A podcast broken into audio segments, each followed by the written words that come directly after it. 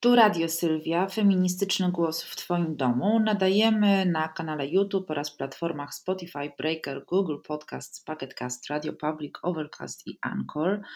Bardzo dziękuję wszystkim osobom, które wspierają moją działalność przez patronite.pl, w szczególności Patrykowi Chilewiczowi z w ogóle Poland, najlepszego na świecie. Dzięki za wsparcie i za zaufanie. To kolejny odcinek y, podcastu. Y, nagrywam go z pokoju hotelowego w Poznaniu, siedząc y, na wysokim piętrze i patrząc na dachy starówki poznańskiej, patrząc również na dom, który znajduje się naprzeciwko a na jego rogu powiewa wielka tęczowa flaga. I powiem Wam, że w tych trudnych czasach patrzenie sobie przez okno, jak ktoś wspiera, to jednak jest naprawdę y, dobra rzecz i dobrze robi na psychę. Y, przepraszam Was za pewnie niezbyt dobry dźwięk, ale nie wzięłam ze sobą swojego szpanerskiego nowego mikrofonu, który kupiłam dzięki wsparciu na Patronite. Mam nadzieję jednak, że E, zostaniecie ze mną, bo dziś taki temat, który chodzi za mną już bardzo długo. Mm, I nawet przez chwilę myślałam sobie, że w ogóle się nim nie zajmę, bo nie zasługuję i po prostu nie mam na ten temat nic do powiedzenia. E, ale on krąży wokół mnie. Mm, I szczególnie teraz, kiedy sytuacja związana z pandemią pewnie znowu zamknie nas w domach, Mm, a my sami i same będziemy pewnie ograniczać nasze wychodzenie z pieczar.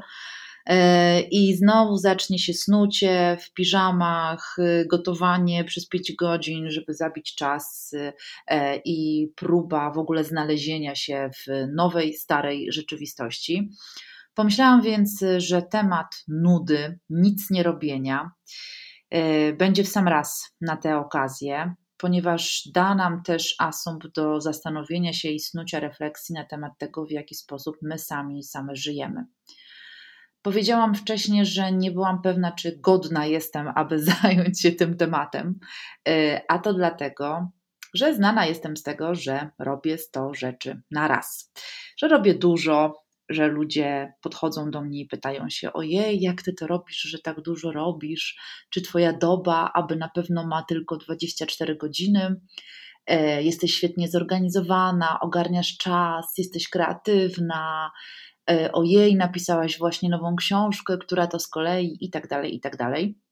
Nie ukrywam, że mnie jako po prostu wewnętrznemu pracusiowi y, z jakąś taką po prostu e, wizją tego, że e, kiedy coś robimy, to istniejemy, robię, więc jestem, e, że te wszystkie komentarze no, łechcą moje ego. A z drugiej strony mm, mam poczucie, że za każdym tym moim robieniem rzeczy stoi wielkie zmęczenie E, wieczne poczucie, może nie tyle chaosu, co jakiegoś takiego chomika w kołowrotku, który kręci się w kółeczko i sam nie wie już w związku z czym, jak i gdzie.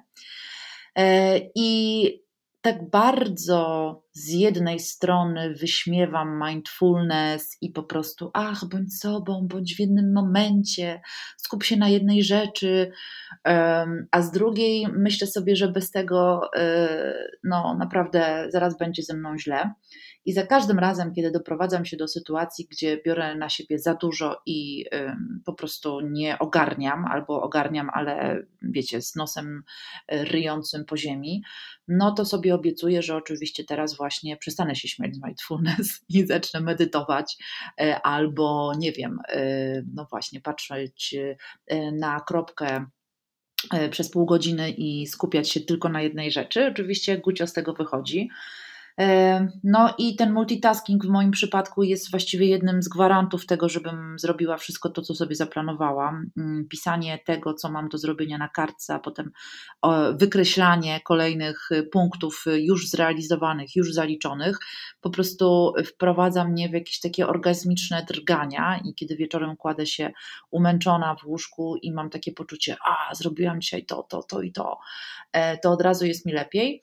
Mm, jestem już w takim wieku, że z pewnymi rzeczami też się warto pogodzić. Nie jesteśmy idealnymi osobami, nie będziemy robotami, choćbyśmy na terapię chodzili 200 lat, mamy swoje małe niedociągnięcia. Chodzi o to po prostu, żeby one nas nie wpychały w jakąś czarną dziurę.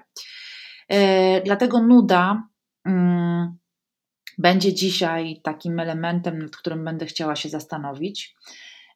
Popchnęła mnie do tego książka Aleksandry Gordowy Codzienność nudy, dom jako przestrzeń produktywna i nieproduktywna, wydana przez Fundację Zmiana i być może kojarzycie tę książkę, ponieważ y, y, okładka jest bardzo ciekawa, biała, a na niej rozciąga się rudy kot i no wiadomo, że kotki jakby zawsze sprawiają, że zwracamy na coś uwagę. W każdym razie książka rzeczywiście warta jest przeczytania, choć dotyczy projektu architektonicznego, więc wydawałoby się, że nie jest ona czy mogłaby nie być ciekawa dla wszystkich osób. Tymczasem y, autorka rzeczywiście jakby dużo czasu poświęca temu, mm, co dzieje się w domu, co dzieje się w tej naszej prywatnej publicznej przestrzeni, kiedyś prywatnej, a teraz przez to, że wszystko jest online, tak naprawdę no, należące już do wszystkich, a przynajmniej te kadry, które pokazujemy łącząc się na tak zwanych kolach przez wszystkie możliwe Zoomy, Skype'y i całą resztę. E, a że książka powstała, y, a właściwie jej wydanie zbiegło się z, pierwszą, z pierwszym lockdownem, to rzeczywiście ona jest dość, powiedziałabym, aktualna, bo nawiązująca do naszych bardzo takich no, współczesnych doświadczeń. E, dzięki temu nabiera też nowego znaczenia. Mm, Józef Brocki pisał: Gdy nas zdybie nuda, trzeba jej się poddać. Niech nas powali, pogrąży, sięgnijmy dna. Ta zasada dotyczy wszystkiego, co nieprzyjemne. Im prędzej człowiek sięgnie dna, tym szybciej wypłynie na powierzchnię. Chodzi o to, żeby spoglądać otwartymi oczami wprost w najgorsze. Nuda zasługuje na takie oględziny, albowiem reprezentuje czysty, nierozrzedzony czas w całej jego powtarzalnej, jałowej, monotonnej okazałości. My o monotonnej okazałości y, rozmawiałyśmy, rozmawialiśmy przy okazji odcinka dotyczącego pracy opiekuńczej, kiedy zastanawiałam się, jak często ta powtarzalność gestów, codzienności, zmywania, sprzątania, a potem znowu tego samego, jest elementem medytacji albo opresji, na ile rzeczywiście praca reprodukcyjna czy opiekuńcza też daje nam takie poczucie niekończącego się wiru tego samego. E, I e, cała tu koncepcja matek gastronomicznych i e, szczelin istnienia opisanych w krzątactwie Jolanty Brachczainy E, w jakiś sposób kojarzy nam się właśnie z, jakim, z takim no, korowodem zwyczajności. Nuda, e, o której Brocki pisze w swoim eseju zatytułowanym zresztą Pochwała nudy, tak jest też zatytułowany nasz dzisiejszy odcinek. E, ta nuda rzeczywiście nazwana jest po imieniu. To jest nieprzyjemne, najgorsze, jałowe, bezsensowne. No i to jest to dno do którego mamy y, y, dolecieć, zbijając sobie tyłek. No ale w drugi, z drugiej strony być może to dno będzie jakąś trampoliną do czegoś nowego. Wiele osób, y, jeśli chodzi o koncepcję kreatywności, mówi, że aby coś wymyślić, to nuda jest tu najlepsza i najfajniejsze pomysły przychodzą wtedy, kiedy leżymy na łóżku, gapiąc się w sufit i wydaje się, że po prostu czas płynie godzinami, a tu po prostu niczym pomysłowy Dobromir E, piłeczka nad główką i eureka, mamy to. Mm, rzeczywiście wiem to również z własnego doświadczenia, że kiedy mam głowę zapchaną do granic możliwości, a jeszcze kolanem upycham kolejny termin i rzecz do zrobienia, e, to jestem mniej kreatywna i robię na jakimś stand-by'u, robię na rezerwach. E, często wtedy, jak na przykład muszę coś napisać, bo felieton i termin goni, to wtedy ratuje mnie Y, taki skarbczyk pomysłów, który prowadzę, po prostu zapisując sobie różne tematy warte do napisania albo cytaty, od których potem odbijam się i idę dalej. E, bo gdyby nie to, nie wymyśliłabym po prostu na poczekaniu niczego, bo jestem tak zapchana i przebodźcowana, że no to w ogóle o nudzie nie ma mowy, bo ja po prostu cały czas napieprzam.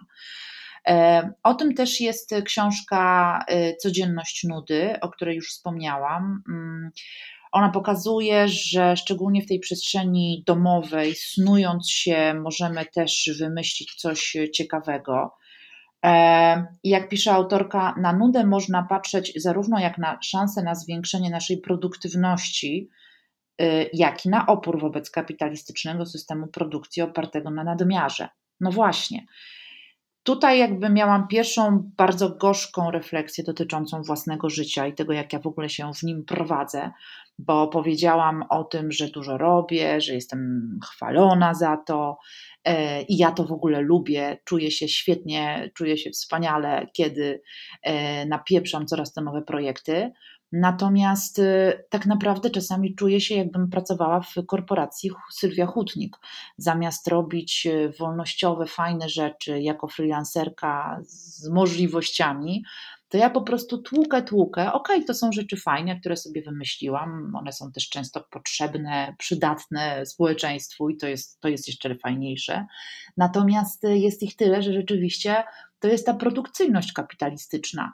Y, przy czym tym jakby zyskiem jest y, być może moje poczucie, nie wiem, satysfakcji, może też zysk rozumiany jako zysk społeczny, ok, ale to nadal jest po prostu produkcja, produkcja, a nawet nadprodukcja, jak sądzę.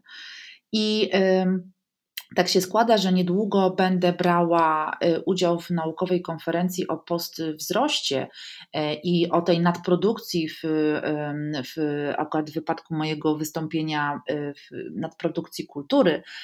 Będę też snuła różne refleksje, czy my za dużo przypadkiem nie piszemy, nie występujemy i nie nagrywamy. Ale ta nadprodukcja czasami kojarzy mi się przynajmniej w przypadku mojego życia, z jakąś taką, no właśnie, niekończącą się taśmą, na której lecą moje różne pomysły, czasem bez ładu i składu, y, nawet jeżeli długo nad nimi pracuję, bo po prostu jest tego za dużo i ja sama już nie ogarniam tego, co chciałam powiedzieć i co chciałam przekazać. Ten, ta, ta taka neoliberalna opcja. Yy, robienia czegoś tylko po to, żeby to było, bo dużo więcej, super, wydajniej, e, jest e, jakąś też pułapką, którą często e, czuję bardzo boleśnie w sobie. Nie tylko wtedy, kiedy jestem zmęczona i po prostu padam I wtedy zastanawiam się, czy przypadkiem to nie jest tak, że ja nie jestem na jakichś usługach po prostu systemu, który mnie wypruwa, e, ale również boleśnie odczuwam w kontekście no właśnie tej kreatywności, którą, którą przytępiam skutecznie różnymi jakimiś rzeczami, które, za które się zabieram. Jest ich strasznie dużo. E, I wtedy rzeczywiście trochę też czuję się, jakbym, jakbym robiła takie prace reprodukcyjne czy opiekuńcze, czyli to są wszelkie prace wykonywane na rzecz odradzania się pokoleń i podtrzymywania zdrowia i życia ludzi, tak by społeczeństwa mogły się odtwarzać i funkcjonować, zarówno biologicznie, jak i społeczno-kulturowo, a ja sobie myślę, że ja odtwarzam i, i uskuteczniam tutaj pracę opiekuńczą dotyczącą właśnie twórczości, kreatywności, tekstów, malowania, nagrywania, śpiewania cały, cały, i tego wszystkiego, i nagle się okazuje, że tego jest za dużo, że ja nie mam czasu na nudę. I to jest też ciekawe, bo w ramach jakby kapitalizmu, którego wcześniej, który wcześniej przywołałam, wszystko to, co w istocie jest realną pracą, czyli fizycznym trudem prowadzenia domu, dbaniem o ludzi i tak dalej, w ogóle pracą nie jest, prawda? Jakby to są te wszystkie rozmowy i dyskusje dotyczące gratyfikacji dla osób, które pracę opiekuńczą wykonują, a z drugiej zaś strony one mają też jakiś taki w tym wypadku e, zupełnie inny wariant opłacalności, rozumianej jako pewnego rodzaju też elementy satysfakcji emocjonalnej. Taką podobną satysfakcję daje mi właśnie moja robota. E, I to jest też ten moment, w którym ja zaczęłam zastanawiać się, czy mnie po prostu stać na nudę, czy ja w ogóle się umiem nudzić.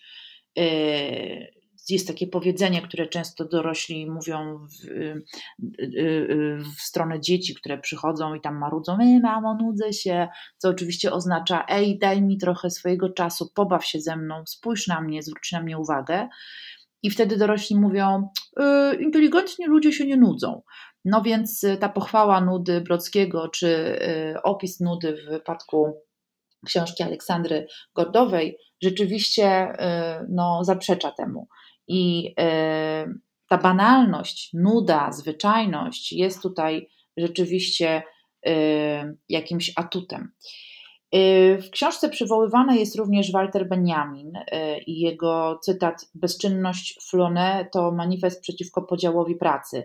Niespieszny przechodzień XIX-wieczny jeszcze z poezji Baudelaire przechadza się po ulicach miasta, zagląda w witryny sklepowe, siedzi na rogu kawiarni, pije niespiesznie kawę, przyglądając się ludziom i tak naprawdę czerpiąc radość ze wspólnoty miejskiej, rozumiane jako dar, który można wykorzystać i y, sobie z niego e, czerpać y, również coś dla siebie. To jest nierobienie, wałęsanie się, przewalanie, e, które nie ma żadnego jakby celu, nie ma też sensu. E, no i według Benjamina ta nuda temu towarzysząca jest niezbędna do utrzymania wewnętrznego balansu. Stanowi rodzaj umysłowej jedności z procesem doświadczania. E, no, równocześnie Benjamin uważa, że rodzaj doświadczania nudy jako aktu intymnego niestety e, stopniowo zanika. E, no bo jakby skoro nuda jest szczytem relaksu umysłowego, Y, czy jak pisze dalej, nuda jest ptakiem snu, który wysiaduje jajo doświadczenia, e, to nudzenie się wspólnotowe, na przykład w czasie lockdownu, jest jeszcze czymś innym. Ta nuda jest wtedy e, procesem grupowym. My się tą nudą dzielimy, e, a może nuda jest dla nas zbyt intymna. Y, i wolałybyśmy, żeby nas nikt nie oglądał wtedy, albo na przykład introwertycznie po prostu chcemy być zamknięte w sobie, w swoich emocjach i czerpać z tego to, co my chcemy, bez właśnie robienia tego jakby na oczach ludzi. Jakkolwiek nuda miałaby zostać jakby takim naszym intymnym, małym światem, naszym takim zapleczem tego, co robimy, to rzeczywiście nie ma ona wiele wspólnego z tym, czym ja się często mierzę. To znaczy, często właśnie jestem uważana za jakąś maszynę perpetuum mobile, e, która po prostu cały czas produkuje, nigdy się nie zacina i nigdy się nie wyłącza. Jest po prostu non-stop taśmą, e, z której lecą coraz to nowe projekty i pomysły. E, nuda byłaby zatem wtedy taką śrubką, którą się w trybiki wrzuca i maszyna się zacina taka, wiecie, 58 kolumna, ale w dużej mierze to, kiedy analizuję siebie, dlaczego właściwie ja taka jestem i o co mi chodzi z tą nudą, której się tak bardzo boję, przy czym nuda w moim przypadku to jest po prostu siadanie na tyłku i odpoczywanie, albo danie myślom pofrunięcia w jakieś różne strony, albo wyjechanie na urlop, a nie wyjechanie tak jak teraz wyjechałam do innego miasta, ale dlatego, że mam pracę. E, więc nawet te moje podróże są związane z robieniem czegoś, byciem dla kogoś, e, produkcją, w tym wypadku idei. Mm, I kiedy zastanawiam się, o co mi chodzi z tym problemem z nudą, czemu ja sobie w ogóle nie daję możliwości, wiecie, ja nie mam nad sobą szefów, szefowych. Ja mogę sobie robić przerwy i drzemki e, po prostu kiedy tylko chcę.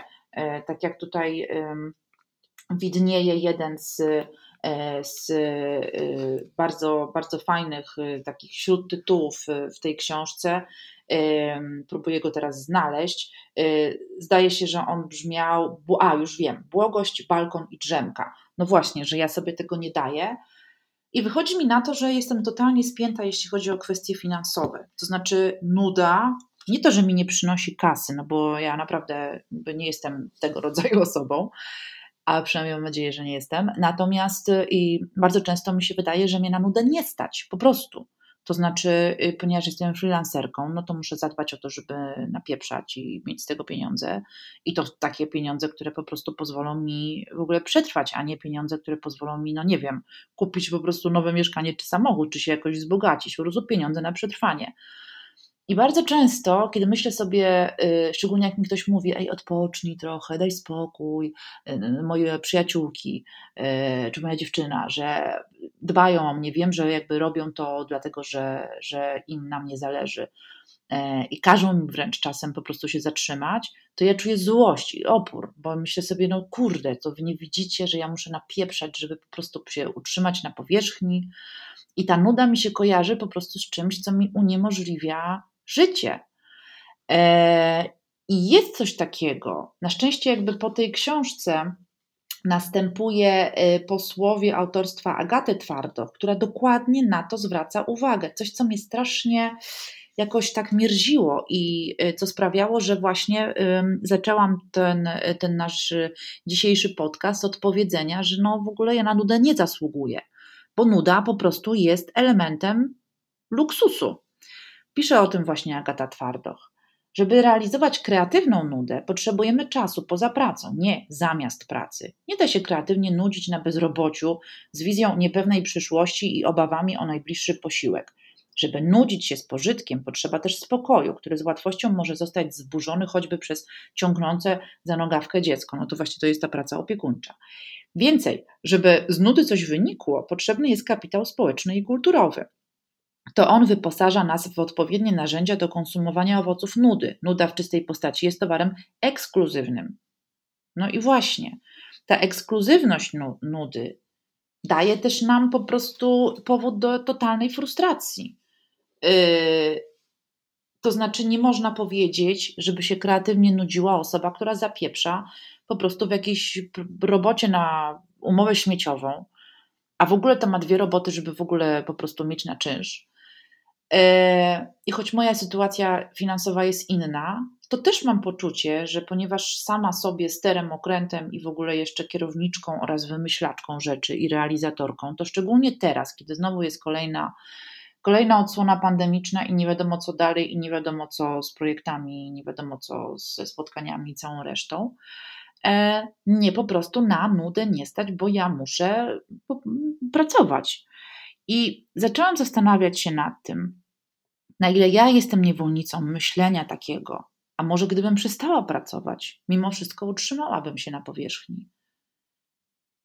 Wydaje mi się, że w dużej mierze to, że pochodzę z domu biednego, albo przynajmniej takiego, którym no, jakby żadnych luksusów nie było i się nie przelewało, mówiąc delikatnie, to że jakby dążenie do stabilizacji finansowej jest dla mnie jedną z ostoi w ogóle spokoju i bytu bo wiem, że to ja mam pomagać rodzinie, rodzina raczej mi nie pomoże finansowo, bo po prostu tych finansów nie ma. Więc y, to poczucie takiego, że jestem odpowiedzialna za rodzinę i za siebie, daje mi jakieś takie potworne poczucie, że po prostu muszę napieprzać. I to właśnie nie po to, żeby sobie kupić coś nowego, tylko w ogóle, żeby kupić cokolwiek. Więc y, nuda się jawi jako. Y, jakiś taki luksus. I pytanie znowu samej do siebie tak naprawdę, ale mówię o tym publicznie, bo może i wy też tak macie, że się zapędzacie w coś i jakby stoicie przy ścianie niczym taki samochodzik, co się czasem go puści, zabawkę rozpędzi i on stoi przy ścianie i po prostu w miejscu przebiera oponami i nie może jechać ani w prawo, ani w lewo, a na pewno nie brać wstecznego taki ja czasem, pewnie wiele osób ma, że dojdzie do ściany i po prostu nie widzi już nic innego. E, I zastanawiam się, na ile ta nuda nie byłaby takim gestem właśnie mm, odrzucenia tego, co dotychczas. I być może nuda dałaby taką swobodę, no to na pewno, ale swobodę rozumianą jako po prostu wyjście w ogóle z tego scenariusza, który realizuję od lat. Nie mam pojęcia, jak ona by zadziałała.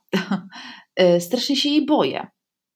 Boję się nie robić niczego. Boję się przestać.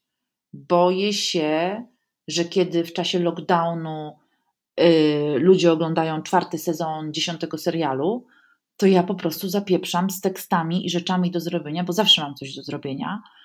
Yy, I nie daję sobie prawa do tego, żeby po prostu iść na drzemkę albo poleżeć, albo w ogóle nie wiem co, popatrzeć po prostu w sufit i robić naprawdę literalnie nic, a nie leżeć w su- y, y, patrzeć w sufit tylko po to, żeby wykoncypować, co tu teraz zaraz zrobię, co ja wymyślę, a co ja napiszę, a gdzie zadzwonię, a co załatwię. E, ten niekończący się umysł, który pracuje na najwyższych obrotach. Pytanie, czy jest elementem życia osób, które ekonomicznie muszą utrzymać się na powierzchni, czy też po prostu jest jednostką chorobową i tyle. E, jednym słowem, czy gdybym nie poszła do specjalistki specjalisty, to nie zapisaliby mi na recepcie nudę. E, a ja po prostu, no, ten, tę niewdzięczną pigułkę, e, ten, ten, to, to najgorzej, o którym Brocki pisał, musiałabym połknąć i po prostu, no cóż, podziękować. Nie mam pojęcia, jak odpowiedzieć na te pytania. Dzielę się tymi refleksjami, zawieszając je i trochę też czekając na to, co się przytrafi za chwilę nam przy okazji pandemii i e, przy okazji zmian na rynku pracy w ogóle. Teraz jest myślę czas przejściowy i niepewny, ale za chwilę to jebnie i na pewno zmieni się wiele, wiele rzeczy i trzeba będzie się ustawić na nowo względem tego. Mm, niezależnie od wszystkiego, yy, mam jakieś tęsknoty do nudy i mam takie marzenia, że robię nic i że ja w ogóle potrafię to robić. Nie to, że mnie stać na to, ale że ja potrafię. Wiem jak, kiedy, choćby 5 minut, choćby 15 minut. E, pytanie tylko, czy odważę się na coś takiego, nawet na spróbowanie, nawet na chwilę. E, I takie książki jak Codzienność Nudy Aleksandry Gordowy pomagają mi gdzieś uporać się z takimi refleksjami, pomagają mi dać yy, yy, taką nadzieję. I to, co pisał Brocki, gdy nas zdybie nuda, trzeba jej się poddać. Może ja się po prostu poddam. Nienawidzę tego słowa, ale może, może to mi jakoś da też taką stopklatkę po to, aby zebrać siły. Być może na, na chorobę, która czeka wiele, wiele osób z nas za chwilę a może na to, żeby jakoś przetrwać ten czas i zobaczyć, co przyniesie coś nowego, e, zmieniający się kalejdoskop wokół nas wszystkich. Bardzo Wam dziękuję za ten odcinek. To było Radio Sylwia. Raz jeszcze dziękuję wszystkim osobom, które wspierają e, Radio Sylwia na patronite.pl, ale również wiele innych moich projektów. Dziękuję, jestem wdzięczna i kocham nieustannie. A my Cóż, słyszymy się niebawem. Mam nadzieję, że zastanę Was w zdrowiu, a może i nudzie, czego sobie i Wam życzę. Do usłyszenia.